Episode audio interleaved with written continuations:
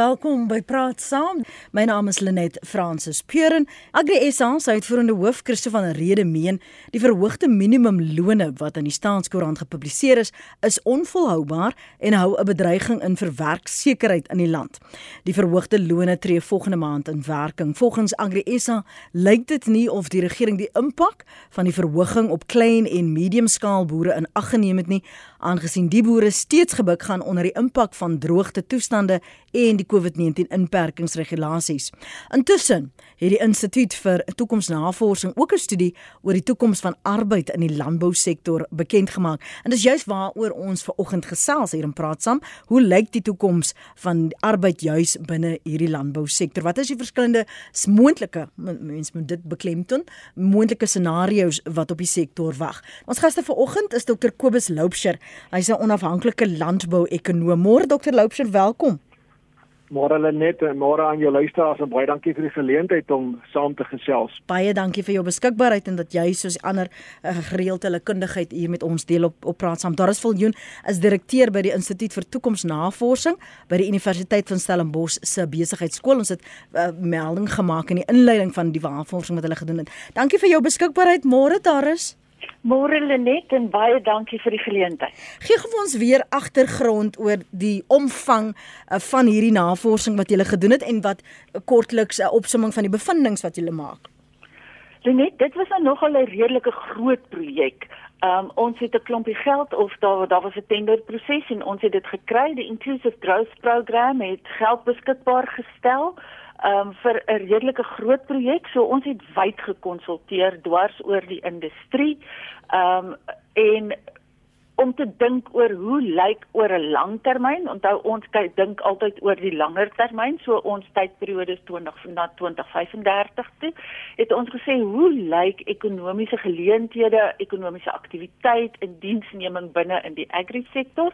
Oorspronklik toe ons begin het, het ons gedink na 'n uh, aan primêre agri op die plaas en mm. maar baie vinnig het ons agtergekom maar weet jy daai antwoordjie ken ons almal eintlik al lankal nê nee, want tegnologie is besig om dit moontlik te maak um vir robotte om baie van die werk te doen wat wat lewendige mense op hierdie stadium mm. doen en ons het dit al reeds gesien. So ons het ons fokus baie vroeg in die studie het ons ons fokus weier gemaak om die hele waardeketting in te sluit en ek dink daai het redelik waardevolle goed uitgekom. Die metode wat ons gebruik het om tot by vier potensiële of soos jy nou moontlike scenario's um te kom maak dat al vier van daai scenario's moontlik is. Die die metode wat ons gebruik het, kyk na al die drywers, al die goed wat wat wat die oor die volgende 15 jaar of so in diensneming in die sektor sal beïnvloed. Ons sorteer hulle en dan werk ons met die goed waaroor ons redelik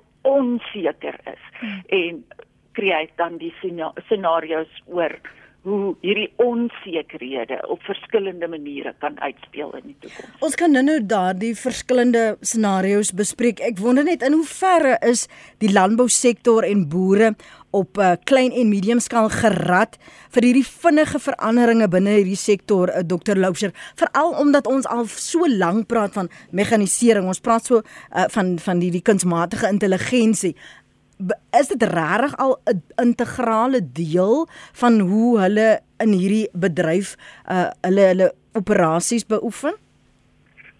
Ja, hulle net uh, voor ek daarop antwoord, ek wil net graag vir Doris en haar span sê baie geluk met 'n uitstekende stuk werk wat gedoen is. Oh, baie dankie. Uh, dit is regtig uh, vir my uh, besonder aangenaam om te lees. Nou kom ons probeer net verstaan wat bedoel word. Hulle het 'n siening geneem van hoe die toekoms kan lyk hulle posisioneer die die die ekonomie in die in die sektor in daardie spasie en dan kyk hulle daarvan af terug na waar ons nou is. En dan uh, sê hulle wat is die beste manier om daar uit te kom? Nou wat ek van hou in hulle benadering, dis 'n proses waarmee gewerk word. Mm. Ons gaan nie ons gaan nie wen as ons in sogenaamde kwantum spronge by die toekoms wil uitkom nie. En nou kom jy terug met wat jy gesê het is die gereedheid van die sektor om vas te byt. Nou eerstens wat ek dink wat belangrik is is die optimisme wat wat inherent deel is van 'n boer se make-up as ek so Engels mm. term kan gebruik. altyd positief met die met die oorstromings nou nie baie reën in die Noordwes Seeboer. Daar's baie water, maar weet jy wat volgende seisoen se grondvog gaan vir ons beter wees. Net daardie uitgangspunt. Die tweede belangrike ding is eenvoudige roeping ons wil kos produseer, maak dit vir ons maklik. En ek dink hierdie benadering in die verskillende scenario's gee vir ons daardie rigtingwysers. In terme van ons gereedheid, vaardigheidsvlakke is daar 'n geweldige groot diversiteit wat eintlik op die stadium baie swak bestuur word. Landbou word onregverdig geposisioneer as as 'n as die sektor wat arbeid moet absorbeer. Maar ons sien dat tegnologie eintlik die arbeid gewone werksgeleenthede afskud en dis wat ontwikkeling beteken. So wat ons dus sien in in nodig het is dat die vaardigheidsvlakke van almal betrokke verbeter moet word. Dit geld die boer ook want ons wat hierdie ding van nou is ons kan nie die toekoms vir ons vaspen en dan stagneer ding ons verstaan en dan probeer ja. ons daarbey aanpas nie. Dit is wat ek wil sê is dat 'n proses van kontinuer lering en die pandemie het ons geleer dat die omset snelheid van leer is baie vinniger en ons moet in die geheel kyk na die strukture. Nou wat ek ook van hou is dat ons moet ons moet elektronies kan leer. Ons moet heeltemal anders dink daaroor. Ons kan dalk later 'n bietjie daaroor gesels. Dankie. Mm. Daar is jy kan nie praat oor scenario's, moontlike scenario's as jy nie die bestaande die huidige toestande in ag neem nie. Christo van der Rede van Agri SA het uitgewys dat dit lyk as jy uh, selfs 'n voorstel maak van die minimumlone wat aangepas moet word, dan moet jy in ag neem waar deur hierdie boere is, want as jy gegaan het waar daar nie of oeste was nie weens droogte of jy moes mense aflê weens COVID-19 inperkingsregulasies regulasies of jy kon nie uitvoer nie dan sit jy in 'n spesifieke ekonomiese omgewing wat jy nou beter moet bestuur. Waar kom die geld vandaan om dan daardie aanpassing te maak? Jy's nie onwillig nie maar waar gaan jy realisties die geld kry? Jy's heeltemal reg en ehm um, ek het gehoor Christus se fokus is veral op klein en medium boere en ek stem heeltemal saam met hom daar dat hulle hulle hulle spasie om te speel is nul nê nee, want hulle het al soveel swaar gekry. Maar ons moet nie ook nie vergeet van die groot boere nie nê nee, want die die groot boere werk in orde groot is groter maar wanneer 'n mens kyk na hoeveel van hulle geld gaan na arbeid, hoeveel van hierdie hoeveel. So ons moet ook nie die groot boere uit die prentjie hou nie, net om 'n bietjie stats te gee van hoe lyk dit in Suid-Afrika want ons moes 'n bietjie gekyk het na okay, so as ons nou praat van hoe hoe lyk die mark want een van die belangrike asse um, in ons scenario's was hoe is die mark saamgestel in terme van groter en kleiner spelers. Op die oomblik is omtrent so 60% van die mense wat deelneem in in landbou in Suid-Afrika, um, is groot boere, so 8 is medium, 22% klein en 9% is mikroboere. So net om vir jou daai prentjie te gee van hoe hoe, hoe lyk die, mm. die landskap in terme van wie's groot en wie's klein. Teresa is op lyn 1 en dankie dat jy ver oggend gebel het. Môre. Môre Lenet en jou gaste. Ehm um, so ek doen Siga en Vita audits. Ehm um, so dit is audits direk vermoei met die landbou.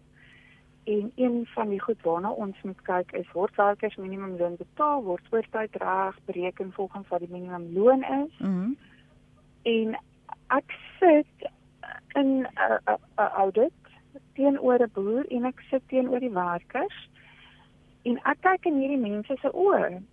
En dan hmm. kom ek op plase waar 'n boer amper met trane in sy oë daar sit en hy vir my sê hy weet nie hoe hy dit gaan maak nie. En dan sê die werkers vir my Mevrou, ons weet nie hoe meneer dit gaan maak nie en ons is bang hy kry 'n oesmasjien. Mm. Want in wynbou kan jy meganies oes. En hierdie mense is onder soveel druk want hulle wyn, die drywe wat hulle ehm um, geoes het, word nie noodwendig die die die 100% oes word nie noodwendig deur die keller opgeneem nie. So 'n gedeelte van sy oes weet hy nie wat om mee te maak nie of hy moet dit verkoop. Hy moet dit omtrent verniet weggee. Maar hy moet loone betaal het, hy moet elektrisiteit betaal het. Ehm um, jy weet dit dit raak almal en en landbou is so uniek. Ek kan nie 'n plaas optel en virtueel skuif nie So ek kan nie vanuit 'n 'n ander streek iets kry nie. Mm. Maar wat hulle nadeel is byvoorbeeld dat sê nou maar jy's in die klere ehm um, vervaardigingsbedryf. As Suid-Afrika se vervaardigers beduur raak, dan gaan hulle soek toe waar die minimumloon 'n derde is van ons minimumloon. So ek dink regtig daar moet verskillende vlakke wees. Daar is in elk geval al reeds verskillende vlakke want as jy in mynbou is, dan word hulle deur 'n ander minimumloon um geaffekteer wat ja. spesifiek op mynbou van toepassing is en ek dink in landbou gaan ons regtig daarna moet kyk. Onthou net jy opkomende boer. Um ek weet nie hoe hy meer opkomend gaan wees nie. Hy hy gaan 'n gevulde boer wees. Hmm. En hierdie sny oor elke streek in ons land, dit sny oor elke rasgrens en taal in ons land. En landbou is regtig daai industrie waar ons enorme werke kan skep. En jy weet net as ons net kyk na geld in omloop. Dit is nou mos net logies te dink dat as jy 5 miljoen mense addisioneel iets in die hand gee waarmee hulle na 'n winkel toe gaan, het jy jou ekonomie gegroei. Ja. In steede van om 5 miljoen mense addisioneel werkloos te hê. Teresa, wanneer jy nou so die plase besoek, as ons so 'n uh, opsomming kan gee van waar binne hierdie sektor uh, en watter soort werk was daar die meeste werksverliese of aanpassings? Weet jy, uh, definitief moet ek vir jou sê in in ons um wynbou, mm -hmm. want hulle kan baie makliker mekaniseer as iemand wat byvoorbeeld 'n appel en 'n peer en 'n lemoen moet pluk. Um maar die seisoene sprei ook uit. So hulle kan net met minder mense oor die weg kom of mense werk net langer ure. So wat ook gebeur is in steede van om mense permanent aan te stel, ontslaan hulle van hulle permanente werkers en hulle maak meer staat op seisonale arbeid. So daai mense het vir 4 maande van die jaar werk en daarna nie. Hm. Dankie, dankie, dankie vir die terugvoer daarson. Uh, Therese, dankie dat jy gebel het. Waardeer dit. Therese wat binne hierdie sektor werk. Wat sê jy na aanleiding van haar opsomming van wat sy binne haar werksomgewing sien, Dr. Loubser? Ja, net uh, kom ons kyk na die vlak van die minimumloon. En elkeen van ons wat elke dag moet kos koop, weet dit gaan bars om ja. daardie hoeveelheid geld werklik kan lewe. Maar nou moet ons net onthou, dis nie die landbou se skuld dat dit so gaan. En ek in in in hierdie scenario ontleding word daar onder andere verduidelik van die sosio-ekonomiese impak van die dilemma waarmee ons tans sit. Goed, so terug te kom tot die bekostigbaarheid van van die minimumloon. Ek nie die debat daaroor nou oop nie, maar as ons die somme eenvoudige somme gaan maak en jy vat jy het soveel werkers wat nou meer betaal moet word waar moet daai geld vandaan kom? Want die boer is 'n prysnemer. Hy kan nie die prys bepaal nie, hy kan wel die inkomste spasie waarbinne hy moet optree, kan hy probeer verbeter deur meer te produseer. En baie boere kry dit reg, maar dis nie 'n onbeperkte uitbreidingsmoontlikheid nie. Dan kom tegnologie by en wat daar nou reeds gesê is, dan moet ek kyk moet ek nie 'n trekker kry, 'n groter planter kry in plaas van 3, 4 mense betrokke by die plant dat ek miskien een mens nodig, maar die mense wat ek nodig het, moet 3 keer meer betaal word, maar dis 'n heeltemal ander scenario as wat ek het met die tegnologie tot my beskikking. So ons moet dit ook verstaan dat op plaasvlak is daar baie keer surplus arbeid om 'n veelheid van redes. Dit is 'n sosiale verpligting enerzijds, dit gaan oor 'n klomp ander faktore wat op inspel. So wat ons dus nodig het is 'n hersiening van die vergoedingsbeleid die die die uh, om die diversiteit beter te akkommodeer, groter buigsaamheid in terme van om, mense in diens te neem. Want anders soos wat daar gesê is, gaan ek oorskakel na seisonale arbeid toe, ja. na 'n groot aantal mense dan nie permanente werk nie. So die die opset of die struktuur waar binne landbou arbeid moet absorbeer is nie bevorderlik van wat ons wil doen in terme van die groei van landbou nie. Praat saam 100 tot 104 FM. Dis die een. Goeiemôre, dis Martin Kreer wat praat. Ek weet baie boere gaan nou vanoggend inbel en sê hoe word hulle nou geknal deur hierdie ehm uh, verhoging in die minimumloon. Maar ek voel dit is eintlik maar bog want ehm um, dit is om 'n ou verloon te betaal wat hy net 'n lewe kan lei is is tog seker nie so verkeerd nie en dit op die einde van die dag as as 'n werker gelukkiger is, gaan hy ook hoër produktiwiteit lewer en baie meer waarde kan toevoeg. 'n Plek sal daar eerder gekyk word na hoë insette wat boere moet betaal vir sekere goed. Ehm um, ek was betrokke in die landbou insette en ek weet daar's ons produkte wat van so min so as 45% marges van 45% en hoër tot en met marges van 3000% het wat boere betaal vir sy insette. Plek sal daar eerder 'n ondersoek geloods word na hierdie tipe van insette en daar gekyk word of of daar nie eintlik die probleem is nie as om die klem te lê op minimumloon van 'n werker wat wat wat skaars 'n werkbare loon uh, of 'n leefbare loon uh, verdien. Dis maar net my gevoel vanoggend. Lekker dag. Goeiemôre Johan de Tooi. Dit is 'n groot onderwerp wat julle vandag bespreek. Al wat ek wil bydra is dat 'n mens moet in totaliteit na produktiwiteit kyk en 'n mens moet kan nie sommer net uh bepaalde insette uh, by sekere boerderye begin nie want party uh, plase is kleiner as ander plase. So mense moet ook as jy mega plase dan kan jy maklik mekaniseer en uh rekenariseer of wat ewe jy dit wil doen. Maar mense moet altyd produktiwiteit ook in gedagte hou want hoe, hoe kleiner daai plase is hoe, hoe minder produktief gaan jy op die einde van die dag jou insette gaan later van tyd hoër wees as jy as jy uitsette so met ander woorde dan moet 'n mens maar weer terugval op ander arbeid. Maar selfs by ander arbeid moet 'n mens kyk na jou jou produktiwiteit as aan die produktiwiteit is op jou waar watter werk of watter plaas nie dan gaan jou plaas ten gronde. En produktiwiteit dink ek een 'n deel van produktiwiteit 'n mens kan nie produktief wees as jy nie die regte kwalifikasies het nie. Ek wat nou jy nie daar bly nou moet 'n mens iewers te arbeid gaan kry. Hulle staan hier so by die koöperasie uh die die swart arbeid en jy weet nie wie jy kry nie want hulle het nie papiere nie. Hy sê vir jou ja, hy kan in die tuin werk, maar daar hulle jou blomme uit in plaas van die veilig goed. Uh of die onkruid dan. Uh, baie dankie. Lekker dag vir julle. Uh goeiemôre net.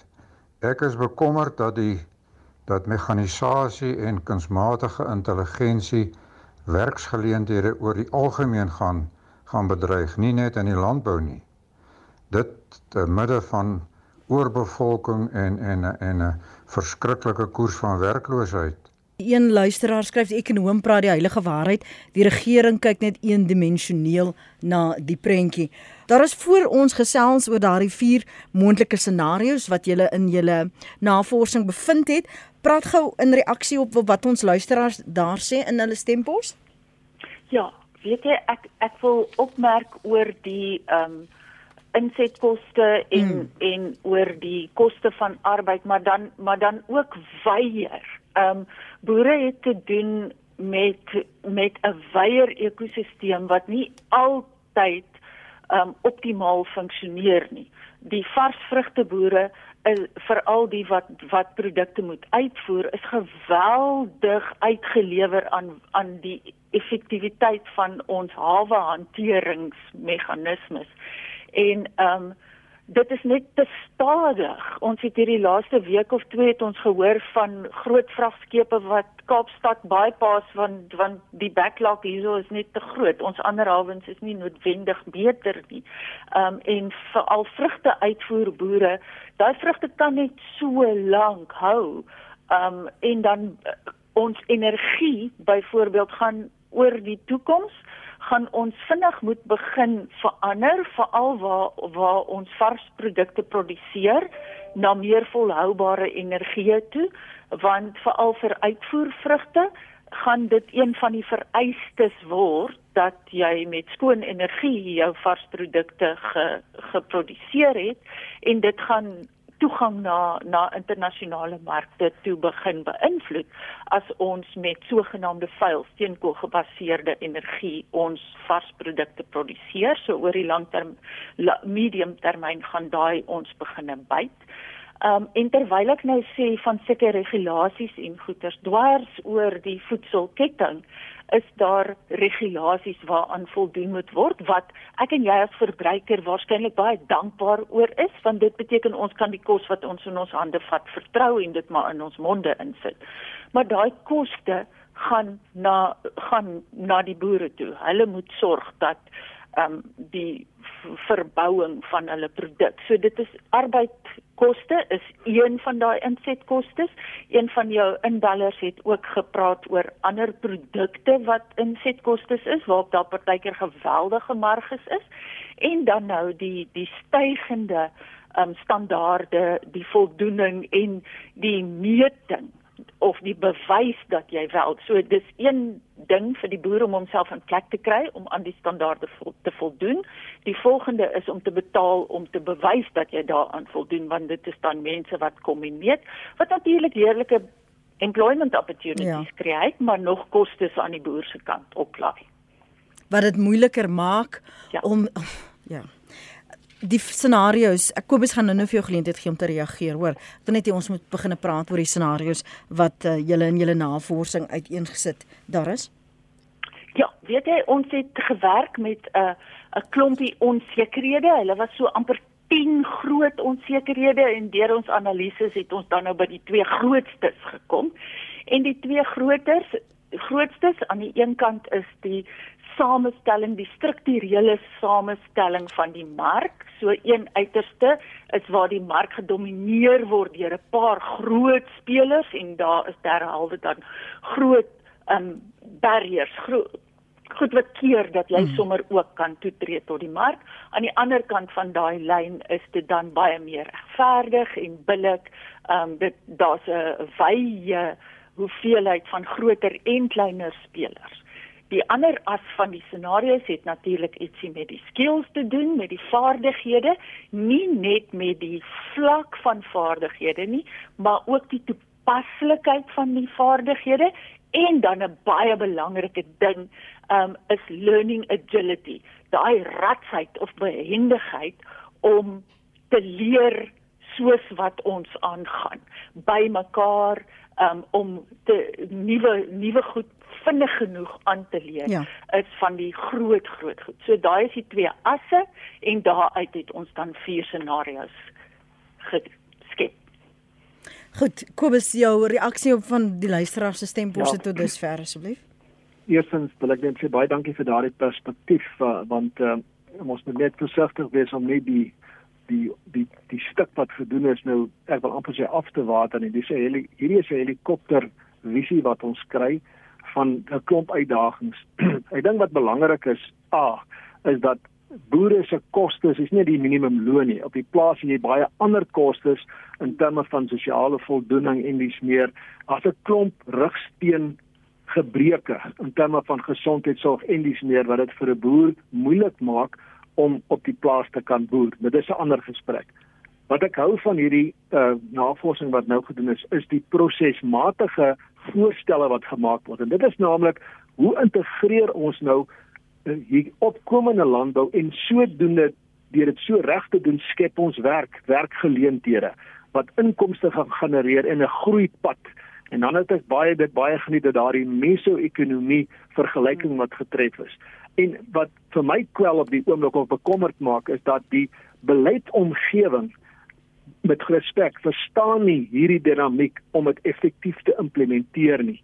En dan kry ons dat daar eintlik buffers gebou word om te keer dat groot groter word en die kleintjies word op 'n op 'n wat op 'n sê onverskillige manier kunsmatig ondersteun om aan die lewe te bly. En ons moet daai balans vind en ek dink landbou se toekoms lê daarin dat as ons reg groei dat ons die mense kan laat werk om selfvoorsienend te wees, surplus te produseer in 'n markplek te kan funksioneer en so inkomste te genereer, dan kan landbou hierdie ap, hierdie uh, arbeidabsorpsie vermoë van hom versterk, maar op 'n totaal ander manier wat op die oomblik in gedagte gehou word. So ja, dit is 'n groot bekommernis. Ons moenie net kyk nie wat dit my kos in terme van rand en sent wat ek uitgee nie. Wanneer jy 'n werk werker aanneem, kom maar 'n klomp sosiale verpligtinge daarmee saam wat toenemend gaan inspel op die aanvaarbaarheid van jou produk wanneer jy hom wil aflewer in kompeterende markte. Hier is 'n luisteraar wat sê jy kan nie lone in die toekoms van arbeiders skyn nie. Uh hoor hoor die eise hoe groter die mekanisasie want masjiene eis of toy toy nie Kobus.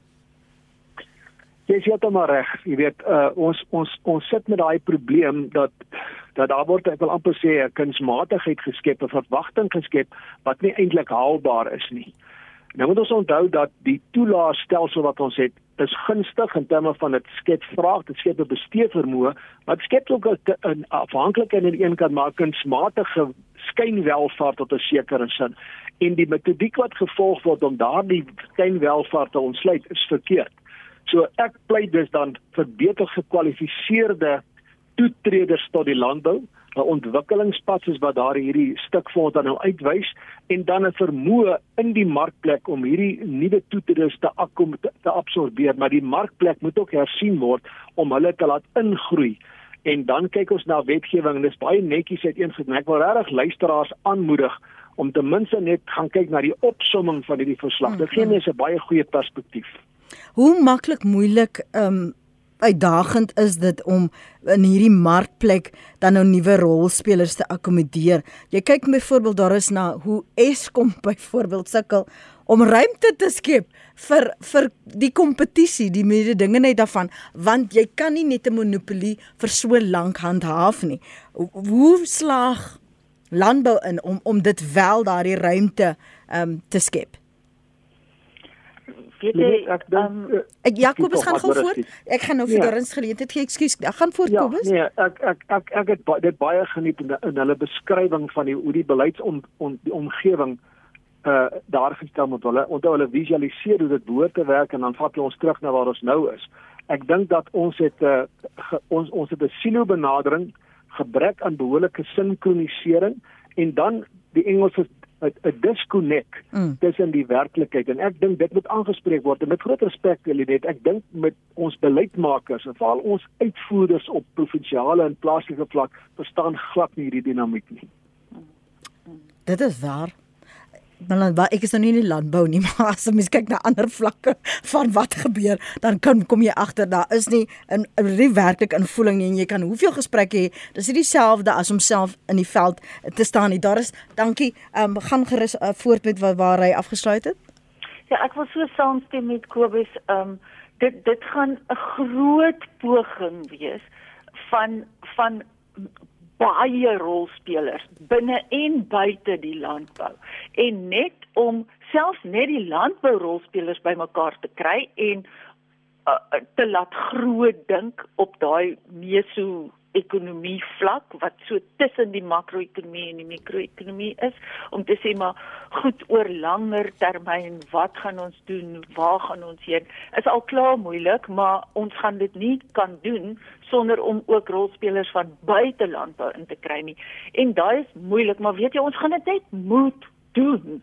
Ehm um, en soos Kobus nou gesê het, ons het mooi in die scenario's beskrywe hoe hoe dit kan seriously uitbom, hoe dit kan regtig sleg gaan as ons dit nie reg kry nie en hoekom dit sal sleg gaan en mm. een van die redes is as da as ons daai silo benaderings aanhou volg of baie kort korttermyn insentiewe in die in in die mark ingooi en dink dit gaan werk of net harde regulasie ehm um, dis hoe die agri by numbers ehm um, scenario jy weet mos daai paint by mm. numbers goedjies wat mens kry so een scenario het ons half met daai naam gespeel die agri by numbers waar daar net harde regulasie is en sê jy moet moet moet moet moet met die klein rolspelers dwars oor die chain ehm um, besigheid doen maar daar's nie die gepaste vlakke van learning agility of die van skills en vaardighede nie. En wat dan daar gebeur is ons sien oor die kort termyn 'n bietjie toename in in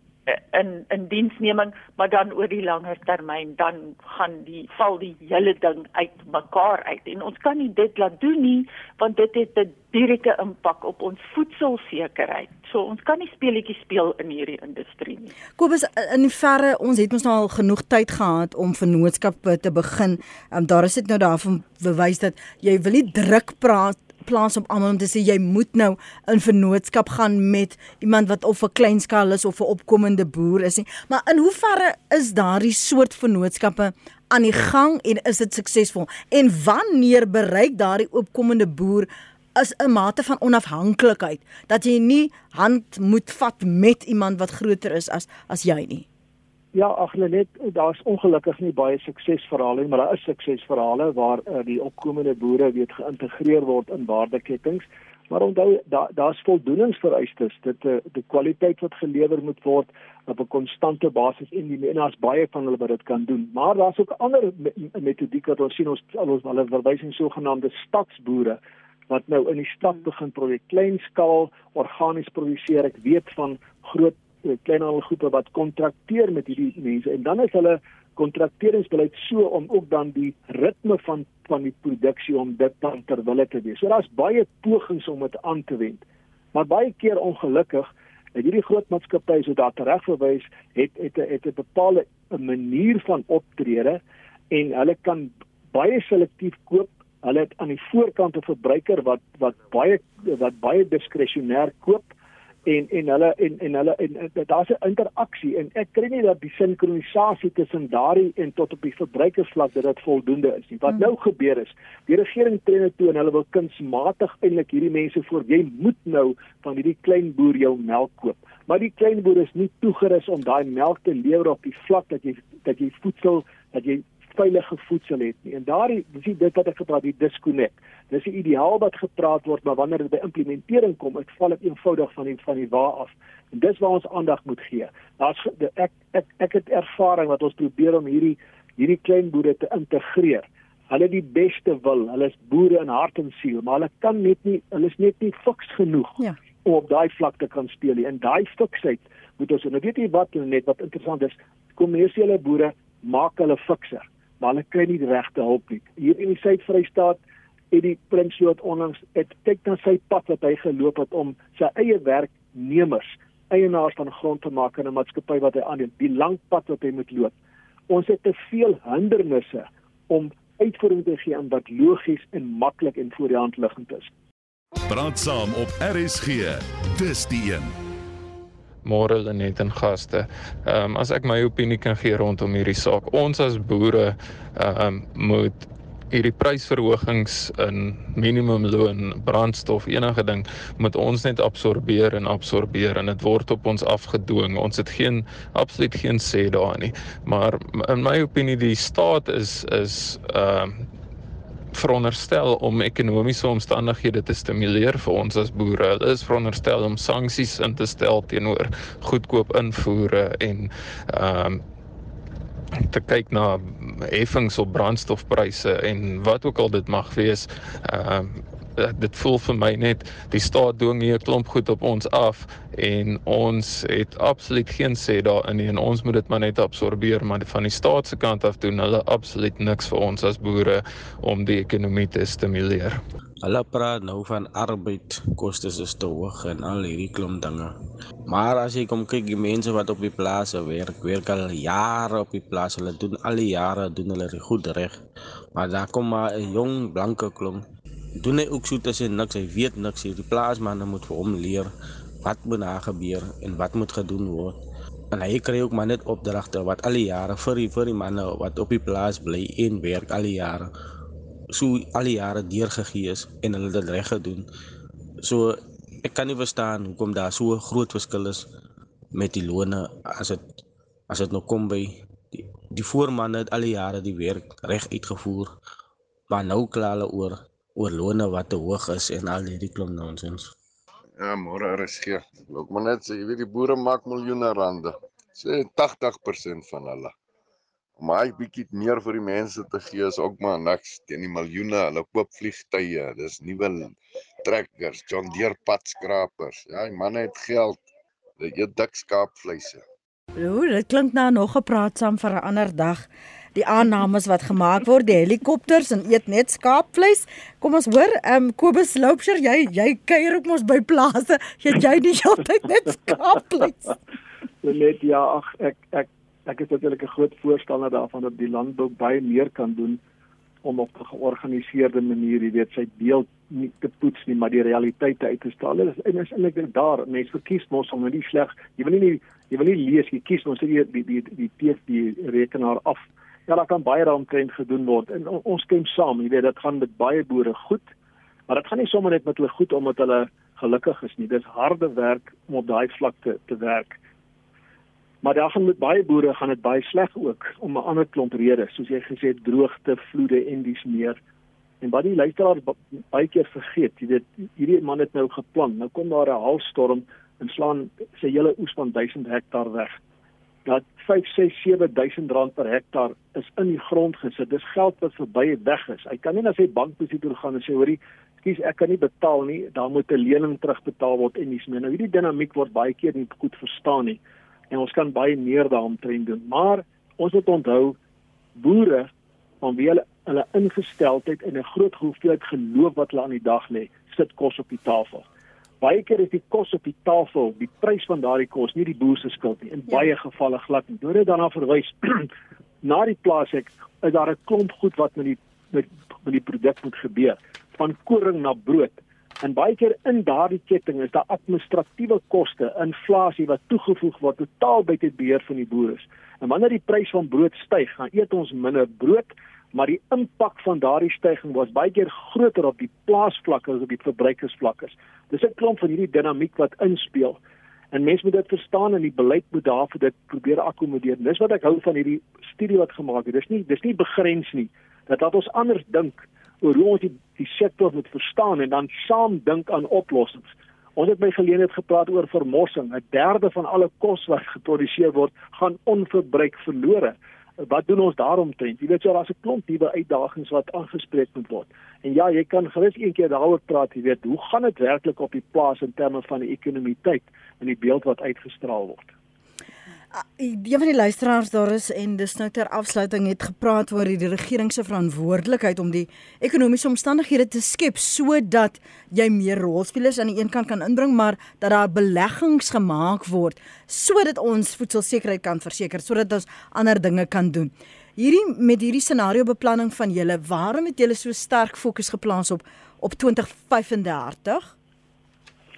Kyk van die instituut se kant af, ehm um, werk ons mos met die langer termyn. Ons ons ons familielede by die Buro vir Ekonomiese Navorsing, hulle werk oor korter termyne en hulle doen beautiful goed in die landbou ook. So ons ons natuurlike fokus is oor die langer termyn. En omdat ehm um, hierdie ek dink dit is gepas want sulke groot strukturele veranderings kan mens nie oor 2 jaar of 3 jaar of 5 jaar doen nie. Om om sulke groot veranderings te doen, het jy 'n redelike tydraamwerk nodig en dis hoekom ons daarna gekyk het. So ek wil regtig ehm um, vir almal aanbeveel om die verslag te gaan lees. Ons het probeer om hom leesbaar te skryf um, vir gewone lesers en vir mense wat in hogere besluitnemingsposisies sit. Die verslag het so vyf groot afdelings, so 'n bietjie van 'n oorsig oor wat gaan nou aan, lekker stats en sulke goed. En dan is daar 'n stuk oor die oor die goed wat dit moeilik maak om werk te skep in die agrisektor, die weier een, en dan die groot stuk is die scenario's en dan fokus ons ons ook op die vaardighede vir die toekoms en 'n gepaste ehm um, benadering om dit te ontwikkel en dan net sluit sluit ons die verslag af met 'n paar mini stories oor regte mense van 2035.